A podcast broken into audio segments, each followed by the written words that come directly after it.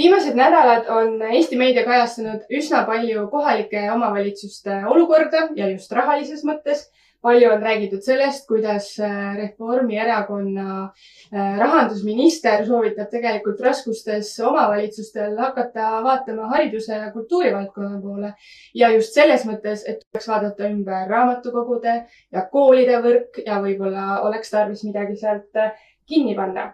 aga mida arvavad sellest äh, sotsiaaldemokraadid ja, ja mida lubatakse sel teemal oma valimisprogrammis? tänases äh, otseülekandes siis äh, regionaalpoliitikast räägimegi ja meil on stuudios Riigikogu liige Reili Rand, Rakvere vallavanem Maido Nõlvak ja Elva vallavolikogu liige Marika Saar. tere! Ja kui me räägime kohalike omavalitsuste rahastamisest, mis on täna kuum ja väga oluline teema ja, ja regionaalse arengu mõttes ülioluline, siis äh, tegelikult on siin ikkagi see, et raha on puudu ja midagi tuleb ette võtta.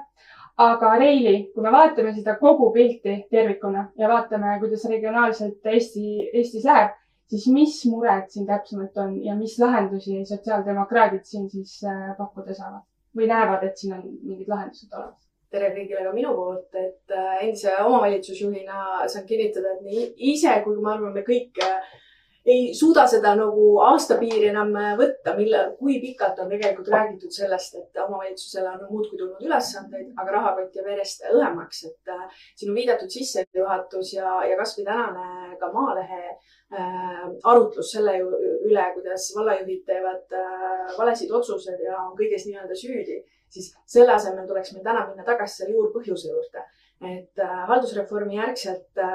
oli suur ootus ja lubadus, et nüüd, kus meil on see omavalitsuste pilt selgem, omavalitsuste nii-öelda suurused on võib-olla ühtlasemad, ollakse, ollakse nii-öelda rohkem kokku koondunud, et siis tuleb ka see rahakoti pool järele. noh, täna me näeme, et jutt on ikka jätkuvalt see, et üks hetk me suurendame, aga tegudeni pole, pole ju jõutud ka eh, Riigikontroll eelmise aasta lõpus tegelikult just auditeeris seda, et eh, kuidas on omavalitsuste rahakotiga läinud ja see oli tegelikult väga huvitav, eh, huvitav nüanss. sest et kui me tuleme selle probleemi nagu olemuse juurde, siis tegelikult see hästi palju baseerub usaldusel. et riik ei usalda omavalitsusi ja KOV ei usalda nii-öelda lõpuni riiki. aga, ja seetõttu need otsused võtavad väga-väga kaua aega et äh, võtame neid riiklikke ülesandeid, mille jaoks riik jagab täna äh, KOV-idele raha või ka nende KOV ülesannete jaoks, mida riik siis toetab, siis viimaste aastate tendentsid on juba see, et see hirm, mis on pikalt olnud, et KOV-id hakkavad siis äh, sildiga rahasid nii-öelda mujale nihverdama, noh, see tegelikult ei vasta, vasta tõele, et tegelikult on üleüldine ressursipuudus äh,. ja, ja me peame leidma seal mingi süsteemsema lahenduse, et Eesti on piisavalt väike riik, seitsmekümne üheksa omavalitsusega, et me võiks ju jõuda sellise võib-olla rätseplahenduseni, kus me arvestamegi neid eri piirkondade vajadusi. iga omavalitsus on natukene oma nägu ja, ja, ja jõuda selleni.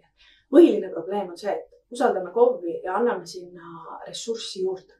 aga Maido on siin Rakvere vallavanem, tal on kindlasti hea vaade sellesse teemasse siit nii-öelda põllult kohe sisse et Maido, mis sina arvad, mis siin see lahendus saaks siis olla või mis on see kõige, kõige, kas on, vastab tõele, tõele see, et usaldamatust on nagu vähe või on palju, tähendab just?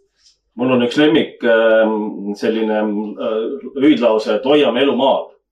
ja ma tean, et seda kasutavad ka päris paljud poliitikud. aga kui me vaatame, et mis otsused tehtakse, et siis kuidas me seda elu maal hoiame, siis kõik otsused on vastupidised. et kui me räägime näiteks maakoolidest ja, ja maakoolide olulisus, et, et, et, et hoida elu maal, siis peavad ka ju jääma ka maal, maakoolid alles. aga kui me vaatame siis, eh, kui, kuidas tehtakse otsused siis näiteks samas õpetajate palkade jagamisel, siis täna on meil väikesed maakoolid ja meie protsent õpetaja palgast on niimoodi et, et kuuskümmend protsenti õpetajat, ma räägin veel tavaõpetaja palgast, ma ei räägi eripedagoogidest ja sotsiaalpedagoogidest, see on meil omaette teema, aga tavaõpetaja palgast siis kuuskümmend protsenti tuleb riigilt, nelikümmend protsenti peame meie kui Rakvere vald kohalikule omavalitsusele ise panema. et kogu selle õpetajate palgatõusuna meil on vaja see aasta leida oma kümnemiljonilisest eelarvest pool miljonit raha juurde õpetajate palga tõstmiseks. vot see on selline olukord, kus äh, me ei saa edasi niimoodi põhjutada, et kui me niimoodi edasi läheme ja mingeid muid otsuseid ei tule, siis meie vald on samamoodi kolme aasta pärast pankrotis kui meil on kaks võimalust, kas need poliitilised otsused muutuvad, kas väärtustatakse maakoole ja see palgapoliitika õpetajatel muutub või me oleme sunnitud koolid kinni panna, sest me ei saa ju lasta valda pankrotti minna. ja teine on huviharidus, et äh, oli ajad, kus huviharidusse väga palju panustati ja ka riigi poolt ja väga õiged otsused, sest et äh, kuidas me muidu saame oma Arvo Pärte või nagu Rakveres öeldakse, Mai Oravaid, äh, kes rahvatantsukultuuri viljelevad, et kuidas me need saame. Et äh, meie noortesse on väga oluline investeering huviharidus. et täna Rakvere vald suudab veel toetada huviharidust mm, täpselt sama jälle, meil läheb ka viissada tuhat eurot huvihariduse toetamiseks. riigilt sealt saame huvihariduse toetamiseks kaheksakümmend kuus tuhat vaadake, millised protsendid, aga nüüd ongi nende energiahindade tõusu näol ja õpetajate palgade tõusu näol oleme me samas olukorras, kus me enam edasi niimoodi minna ei saa ja me peame ka huvihariduse rahasid teistmoodi kas koomale tõmmata või panema seal väga suure osa vanemate enda äh, õlgadele ja tegelikult me ju räägime siin äh, riigi tulevikust, me räägime laste haridusest, nende võimalustest, äh, mitmekesisest äh, keskkonnast, kus, et ka maal ja üleüldse terves Eestis oleks võimalik. jah, ja varsti raamatukogude kultuuri juurde me varsti jõuame. just, ja see on kõik osa sellest et meie programmis on siis tegelikult ju kirjas see, et omavalitsuste tulubaasi tuleb tegelikult suurendada. Marika, kas sa tahad siia midagi juurde mõttena tuua? ja ikka, et kõigepealt ma ei saa jätta rääkimata väikekoolidest, millele Maida juba tähelepanu juhtis, et tõesti ka meie erakonna programm ütleb, et seda haridusrahastamise süsteemi tuleb vaadata ümber, et täna on ta pearahapõhine omavalitsused ise saavad otsustada, mitmes koolis äh, ta oma lapsi nii-öelda õpetab, aga see ei ole selles mõttes nagu õiglane, et me ei saa lõpmatuseni optimeerida ja lapsi nii-öelda ühte suurtesse koolimajadesse kokku tuua. Et ammu on aeg vaadata üle, et tõesti, kui on nii-öelda kaalutletud otsus omavalitsusel, et see algkool on seal hädavajalik, siis peab seda riik rahastamisel arvestama ja tegelikult ta peaks ka investeeringute puhul seda arvestama, et äh, palju on ju probleeme see, et need väikekoolid asuvad suurtes äh, nõukogudeaegsetes hoonetes, et äh, siin võiks tulla appi ja aidata hoopis omavalitsustel ehitada väikseid nunnusid koolimaju. miks see on nagu oluline, ühtpidi on tõesti see, et maal elu ei kaoks, aga teistpidi, kui me võtame selle haridusstrateegia eesmärgi, siis me kõik tahame, et meil oleks personaalne õpitee lastel ja väikekoolides see täna juba toimib. ehk siis see, mis on võetud suurtes strateegiates eesmärgiks, on see, mida väikekoolid juba täna teevad. Nad lähtuvad lapse tugevusest, lapse huvidest ja, ja see õpe on väga kvaliteetne ja personaalne. ma arvan, et väikekoolid peaksid rohkem seda uhkusega välja tooma mis nüüd puudutab äh, siis rahastuse, siis ja nagu Reili ütles, see on jäänud äh, ikka iidemast, taademast ajast muutumatuna ja seda protsenti peab tõstma ja loomulikult on siis oluline ka tõsta siis omavalitsusjuhtide teadlikkust, et, et kuhu see raha siis suunata, kui me selle võidu nii-öelda ära toome. aga praegu siin meie selja taga on tegelikult plakat, palgad peavad tõusma ja ka see on üks meie põhilubadusi, mis tegelikult mõjutab omavalitsuste tulubaasi et kui me inimeste palgad on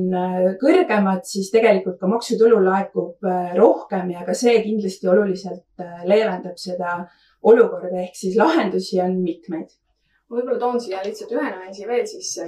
et kui me täna võtamegi, et äh, ütleme, hea, heal või hästi toimetaval KOV-il on äh, täna ka, ütleme, ainult viiendik äh, neid vahendeid, mida ta saab nii-öelda ise veel planeerida, et ülejäänud on kõik selliste kohustuste ja seadusest tulenevate ülesannetega suuresti kaot-, kaetud, eks mõnes kohas on see protsent veel, siis tegelikult noh kui me lõpuks jõuame ka nende meetmeteni, mida lisaks kooli, raamatukogu, lasteaia lahtihoidmisele, kuidas sa saad toetada seda, et elu maal oleks võimalik, et elukeskkond oleks kvaliteetne, et ettevõtluskeskkond areneks, siis räägime me siis teede korrashoiust, elektri, interneti võimalustest, räägime me üürikodude äh, rajamisest. see kõik eeldab ka omavalitsuse ressurssi. aga kui me oleme need kraanid nii kinni keeranud, et seda vaba raha sisuliselt alles ei ole, siis, siis siis elu võimalikkuses maal tekibki nagu suur küsimärk. ja mulle tundub, et see on nagu nii, et kui äh, ülemus annab mulle ülesandeid juurde, siis mina ütlen talle, et jah, ma võin seda teha, aga mul on vaja selleks äh, mingeid tingimusi või raha juurde ja nii edasi, et tegelikult siin on täpselt sama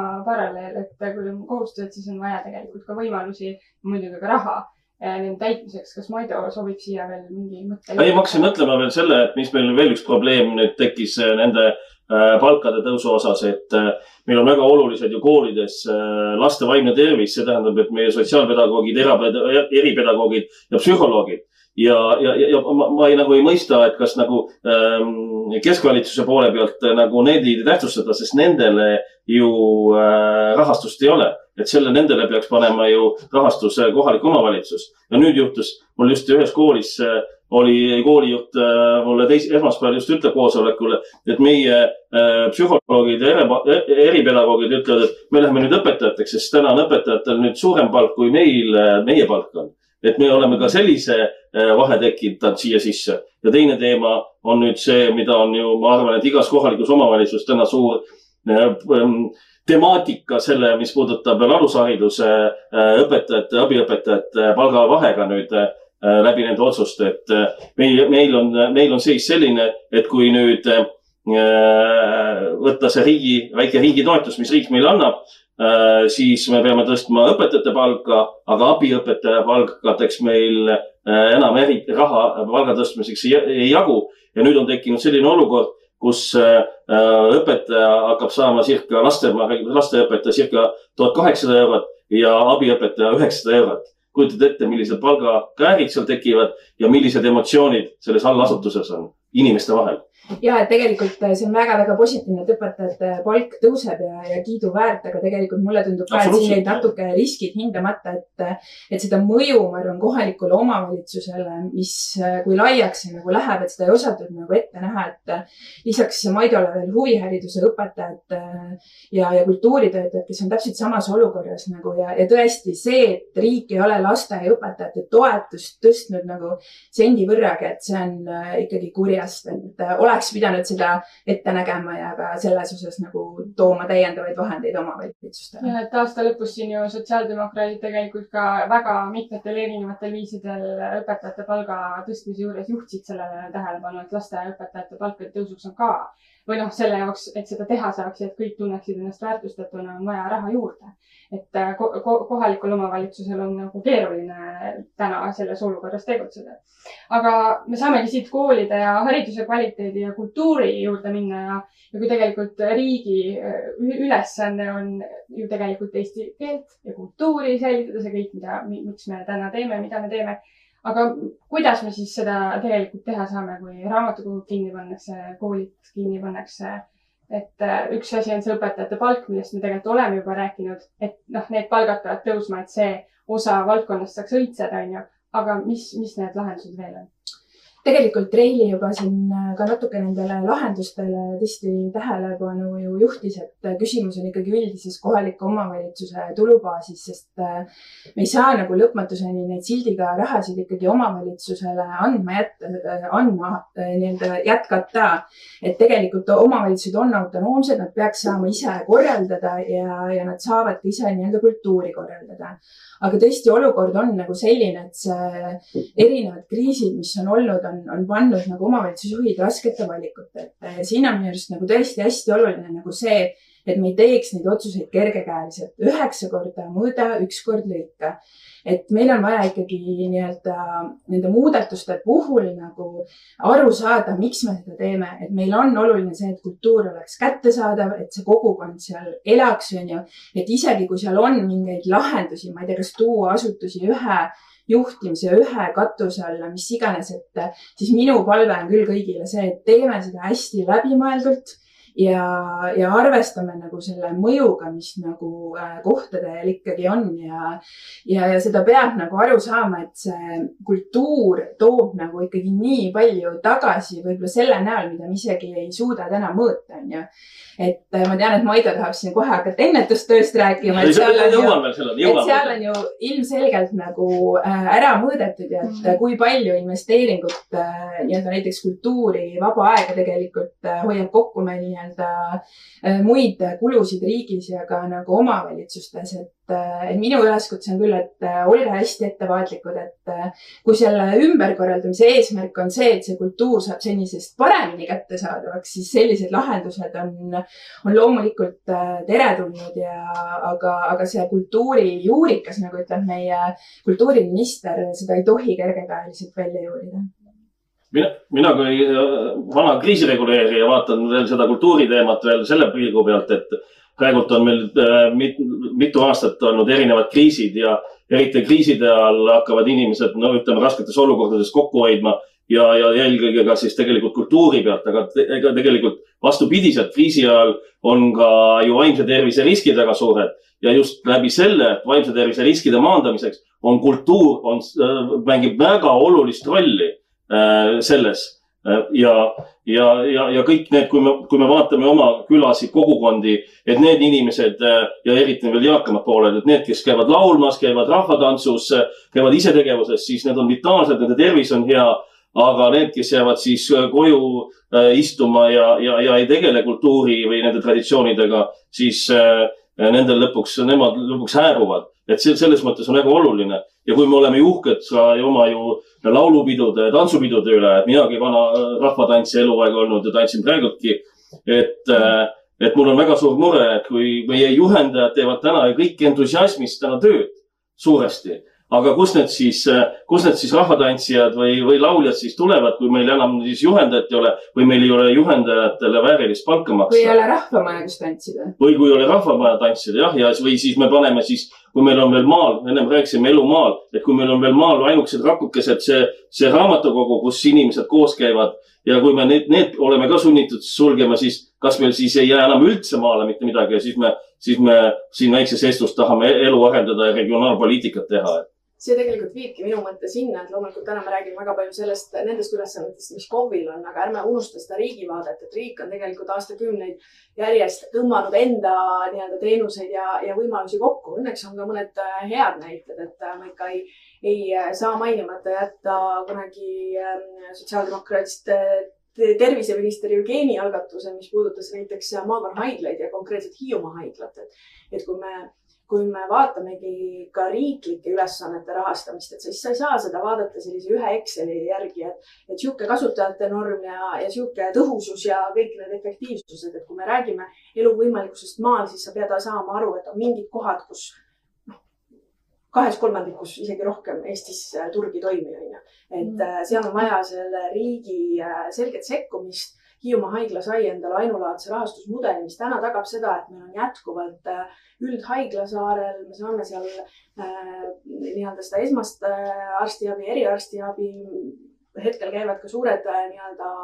arendustööd, et, et ka hoone nii-öelda taristu olukorda parandada. aga, aga sellist, noh, seda tüüpi suhtumist riigilt kindlasti, ma arvan, ka ootavad kõik mm. kohalikud omavalitsused, et, et see tegelikult on koostöö et kuidas seda, kuidas seda elu maal äh, hoida? no väärt elu maal ongi, kui sul on lasteaiad, koolid, äh, raamatukogud, rahvamajad, perearst, haigla, EIT ehk siis elekter, internet, teed. ja ühistransport. ja ühistransport, et saaks liikuda, et, et nii lihtne see ja samas keeruline ongi. et kui me räägimegi nendest ka töökohtade toetamisest maal, kui me ettevõtjatega suhtleme, ma arvan, et teie kogemused on sarnased äh, minuga, et tegelikult see ootus ettevõtjatelt äh, omavalitsusel ongi nende avalike teenuste olemasolu, kättesaadavus, kvaliteet, et, et äh, need investeeringud elukeskkonda ja, ja sedapidi nii-öelda selle taustsüsteemi loomine, et, et ettevõtjad saaks töökohti luua. ja no me mõtleme küll, et Eesti on väike, aga ta on siiski piisavalt suur selleks, et erinevates piirkondades peab äh, võib-olla tõesti erinevaid lahendusi katsetama ja ei saa minna nagu ühte, ühtemoodi ainult igal pool. et kui ma vaatan siin meie noh, programmist neid lubadusi, siis tegelikult seal on äh, raamatukogude toetamine, seal on äh, kultuuritöötajate see palgavahe, vähe, noh, et see ära kaoks, on ju, ja kultuuriranitsa suurendamine ehk siis nagu erinevad komponendid, aga noh tegelikult, äh, kui sa seda suurt plaani vaadata, siis siin on riigi poolt ikkagi vaja väga-väga konkreetselt. ja ühel pühapäeval kuus tasuta riiklik muuseum minu meelest on päris äge asi. jah, see on ka programmis sees. jah, aga maainimene peab sinna saama, nii et. Äh, aga selleks õnneks on, millest eelmine nädal oli juttu, et äh, Saaremaa on ju väga hästi piloteerinud nõudepõhist ühistransporti, et sul on põhiliinid ja siis sul on nii-öelda etteveoliinid ja, ja see, et, et kõigepealt Saaremaa seda laiendab üle saare ja loodetavasti see jõuab ikkagi. see oleks meie meie, see oleks meie maainimestel unistus. ja, aga see on sotsiaaldemokraatide eesmärk, et äh, terve, üle terve Eesti seda nõudepõhist äh, transporti, ühistransporti siis, äh, et see tuleks igale poole. aga meil on üks teema veel ja see on sotsiaalvaldkond ja, ja siin on väga palju nagu mitmeid olulisi teemasid muidugi. aga täna on tõstatunud väga ikkagi suure teemana vaimne tervis nii laste, noorte, ka täiskasvanute. me oleme mitmed aastad elanud olukorras, kus mitte keegi teine ei ole pidanud tegelikult elama. Ja, ja, ja see on väga laialt riigi ja kohalike omavalitsuste teenuste ja tegevusega seotud. Ja Maidol on siin ennetustöö valdkonnas äh, väga suur kogemus äh, omavalitsuse juhina ma annangi sõna sulle, et saad selle teema sisse juhatada, et mis need valukohad siin on ja millega tegelema ja, ja miks sellega peaks omavalitsus tegelema? ma olen, ma olen viimased kolm aastat oma loengutes äh, rääkinud sellest, et, äh, et kui inimene ei ole sotsiaalset abivajaja, tal on olemas sotsiaalsed oskused, ta vaimne tervis on korras, et siis see inimene suudab tagada ka kogukonna turvalisust, osaleda riigikaitsel ja olla vääriline kodanik oma perele ja tööandjale ja nii lihtne see ongi ja nüüd ma järsku vaatan sotsiaaldemokraatide moto, see siin ei ole, on see, et, et toimetulek on julgeolek. oota, see on täpselt see, mida ma olen juba kolm aastat oma ettekannetes. sa oled õiges kohas. ma olen, ma olen, ma olen kolm aastat oma ettekannetes sellest samast rääkinud ja nüüd jõuamegi selle valdkonna üle selle ennetustöö juurde. minul oli ta siiamaani sotsiaalkaitse ennetustöö kusjuures ja me võtsime ju poolteist aastat äh, tagasi tööle ka oma valda ennetustöö spetsialisti, ta oli siiamaani oligi sotsiaalkaitse ennetustöö spetsialist. ja just selle, selle mõttega, et, et täna eelkõige ju sotsiaaltöötajad ähm, omavalitsustes tegelevad niinimetatud tagajärgede teemadega ja neil lihtsalt mõned, kes suudavad, jõuavad, tegelevad ka ennetusprojektide natukene aga neid tagajärgede likvideerimise nii palju, et siis ta ongi siin togu teises viimases otsas ja võitleb kogu tagajärgedega. aga minu, minu moto on ka see, et ennetada on alati lihtsam kui tagajärgedega võidelda ja mitte ainult lihtsam, vaid ka kõige olulisem on tulemuslikum. Ehm, ja seetõttu ongi see sama oluline teema ja meil on ehm, praegult väga edukaid projekte oma vallas ehm, olnud just eelkõige noorte seas ja koolides. et meil eelmise aasta, õppeaasta jooksul oli Kuhtna koolis sellise vaimse tervise sotsiaaloskuste õpetamise äh, selline projekt kogu õppeaasta vältel, kus äh, osalesid lapsed, lapsevanemad ja õpetajad ja, ja seal õpetati nii sotsiaalseid oskusi, nii konfliktide vältimist, emotsioonide juhtimist ja nii edasi. Need olid nii suured, nii ägedad tulemused. Need õpetajad ja, ja eelkõige lapsevanemad tulid meie juurde, küsivad, mis te tegite nende lastega seal äh, koolis, on ju. et siiamaani, kui ma lähen äh, oma lapse juurde, küsin, et noh, kuidas sul koolis läks, siis ta hüppab sulle äärmiselt väga hästi, pole viga ja nüüd järsku äh, mõni kuu pärast meie projekti algust ta ütleb, et laps tuli tema juurde küsima, tuli küsima, et ema, aga või isa, mis sa arvad sellest teemast, et mis nendes, ta tuli ise vestlust arendama. Need, need on nii suured muutused, et mina arvan, et sinna, äh, et, et just ennetusse on vaja palju rohkem rahastust ja veel olulisem, et täna ju, kui me vaatame, on kõik ennetustöö projektid ainult või ennetustöö tegevused projektipõhised. kõik on ainult projekt projekti otsas, aga see on nii oluline valdkond, et, äh, et see peaks olema püsirahastusega, see peaks nagu igapäevane elu olema näiteks meil kohalikus omavalitsuses ja igal kohalikul omavalitsusel peaks olema just ka eelkõige ka ennetustöö spetsialist, kes tegelebki oma igapäevase tööga kõikide ennetusteemadega. nagu täna ka eakatele on ju jälle projektipõhine, ma ei tea, kui projekt teha juhtub, mis siis edasi saab. on, on ja, ja vabatahtliku seltsilise projekt, mis on ju nii oluline sellele eakale inimesele, et kes on üksik, eakas seal ja ma, nagu ma ennem rääkisin, üksindus on kõige hullem, mis võib panna manduse äh, ma,, manduda. ja ma olen näinud, et pärast seda, mul on kohe näide, üks, üks vanaproua, et käis ennem meil äh,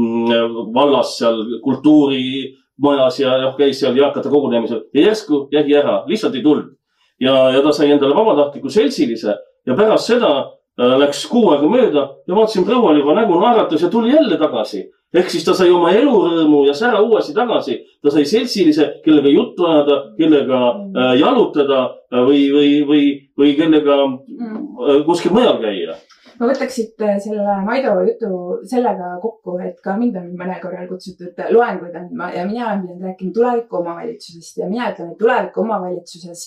on oluliselt äh, suurem äh, koht just inimesel ja inimese heaolul ja selle inimesega tegelemises, millest äh, Maida just rääkis ja tegelikult ka teadlikkuse tõstmises, et omavalitsustel on nii palju meeletult rolle ja ootusi, mida ta saaks teha oma inimeste heaks. Ja, ja kui me räägimegi sellest, et väärt elu maal, siis mina ütlen, et see tähendabki suuresti väga tugevaid teadlikke tuleviku omavalitsusi, et need ei ole lihtsalt mingid ametnikud või vallavanemad või volikogu liikmed kusagil, vaid see on päriselt nagu äh,, ma ei tea,